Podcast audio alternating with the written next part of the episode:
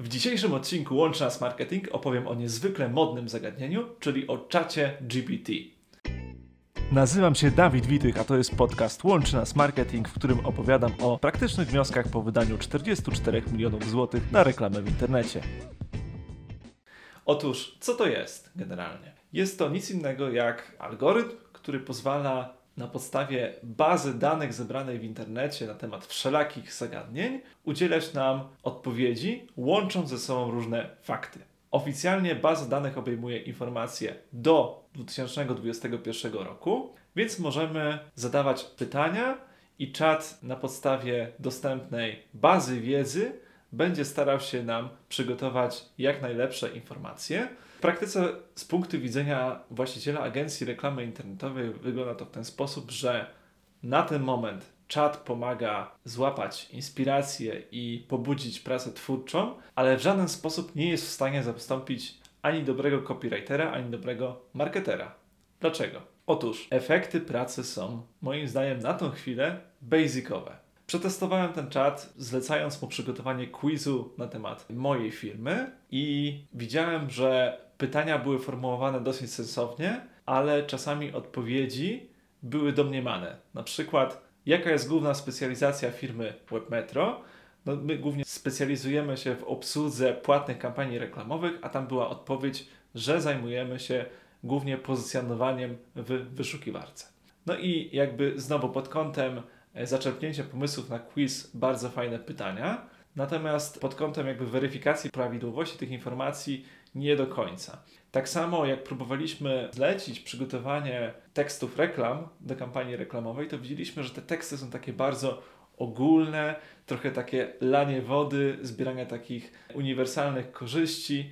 No myślę, że jak zatrudnia się gdzieś tam stażystę w firmie albo osobę taką bardzo początkującą pod kątem kompetencyjnym, no to można powiedzieć, że czat jest w stanie zastąpić taką osobę. Natomiast jeżeli mówimy o doświadczonym na przykład copywriterze, który jest w stanie wyciągnąć jakieś indywidualne korzyści, esencje z firmy, wskazać jakieś liczby, no to jak najbardziej na ten moment nie jest to możliwe. Takie zastosowanie, które gdzieś tam w marketingu się jako pomysł przewija, to jest, żeby zlecać czytowi przygotowywanie tekstów, kontentu, czy generalnie tego, co jest potrzebne pod SEO.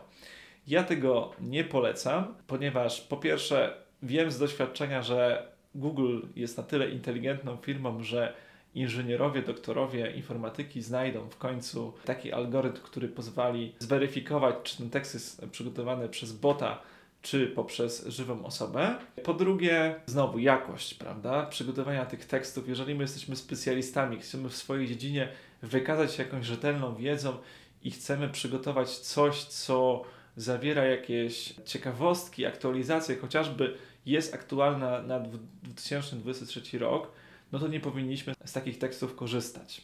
Jest oczywiście wiele zastosowań, gdzie czat już w tym momencie bardzo dobrze się sprawdza. Testowałem przygotowywanie awatarów na podstawie zdjęć. Wysłałem 15 do programu, zdaje się, Lensa swoich fotografii. Na tej podstawie czat wygenerował mi bodajże z 20 parę bardzo fajnych, artystycznych fotografii komputerowych który chociażby mogłem wykorzystywać przy wpisach w mediach społecznościowych. To jest fajne zastosowanie. To jest coś, co ułatwia jakby pracę, bo nie trzeba mieć fizycznie zdjęć prawdziwych i jakby można tutaj bazować na tym. I takich zastosowań pewnie w dziedzinie grafiki czy tworzenia algorytmów jest już więcej, gdzie czat w tym momencie się sprawdza. Natomiast z mojego punktu widzenia cały czas jest to coś takiego, co nie przewyższy, w tym momencie przynajmniej, prawdziwego specjalisty. Czyli można powiedzieć, o, porównałbym to trochę do fotografii, gdzie można kupić zdjęcia stokowe, ale nie, jeżeli chcemy mieć profesjonalną sesję fotograficzną, która będzie indywidualna, no to poprzez stoki jakby tutaj tego nie osiągniemy. Trzeba wziąć pod uwagę, że tego typu technologie rozwijają się bardzo dynamicznie. Tutaj wskazałbym taki przykład jeszcze jak kasy w supermarketach, gdzie pamiętam dwa lata temu, kiedy chciało się zważyć jakiś produkt, kiedy chciało się wybrać jakąś niestandardową ilość, kiedy była potrzebna jakaś weryfikacja, te wszystkie kasy się wysypywały w tych momentach i, i tak w większości przypadków trzeba było korzystać z pomocy wsparcia technicznego osoby, która podchodzi i się na tym zna i odblokowuje tą kasę. W tym momencie, w zależności od sklepu, w którym kupujemy, w zależności od oprogramowania, te kasy są coraz lepsze i tak naprawdę w większości przypadków już nie potrzeba korzystać ze wsparcia. Mierzą dokładnie, mają zwalidowane te wszystkie najczęściej występujące problemy z użytkownikami i zbiera się baza wiedzy, która pozwala tak naprawdę zastąpić fizycznego człowieka przy kasie. I jestem przekonany, że ta technologia ma olbrzymi potencjał i będzie w stanie z czasem zastąpić, powiedzmy, średniego szczebla specjalistów, ale bardzo ciężko będzie zastąpić wybitne umysły, które tak naprawdę potrafią połączyć kropki, których w algorytmie nie ma. Czas pokaże, na ile miałem rację, a na ile będzie to narzędzie, które zastąpi pracę marketerów częściowo czy w pełni. Do następnego odcinka zachęcam do subskrybowania i udostępniania. Łączy nas marketing. Cześć!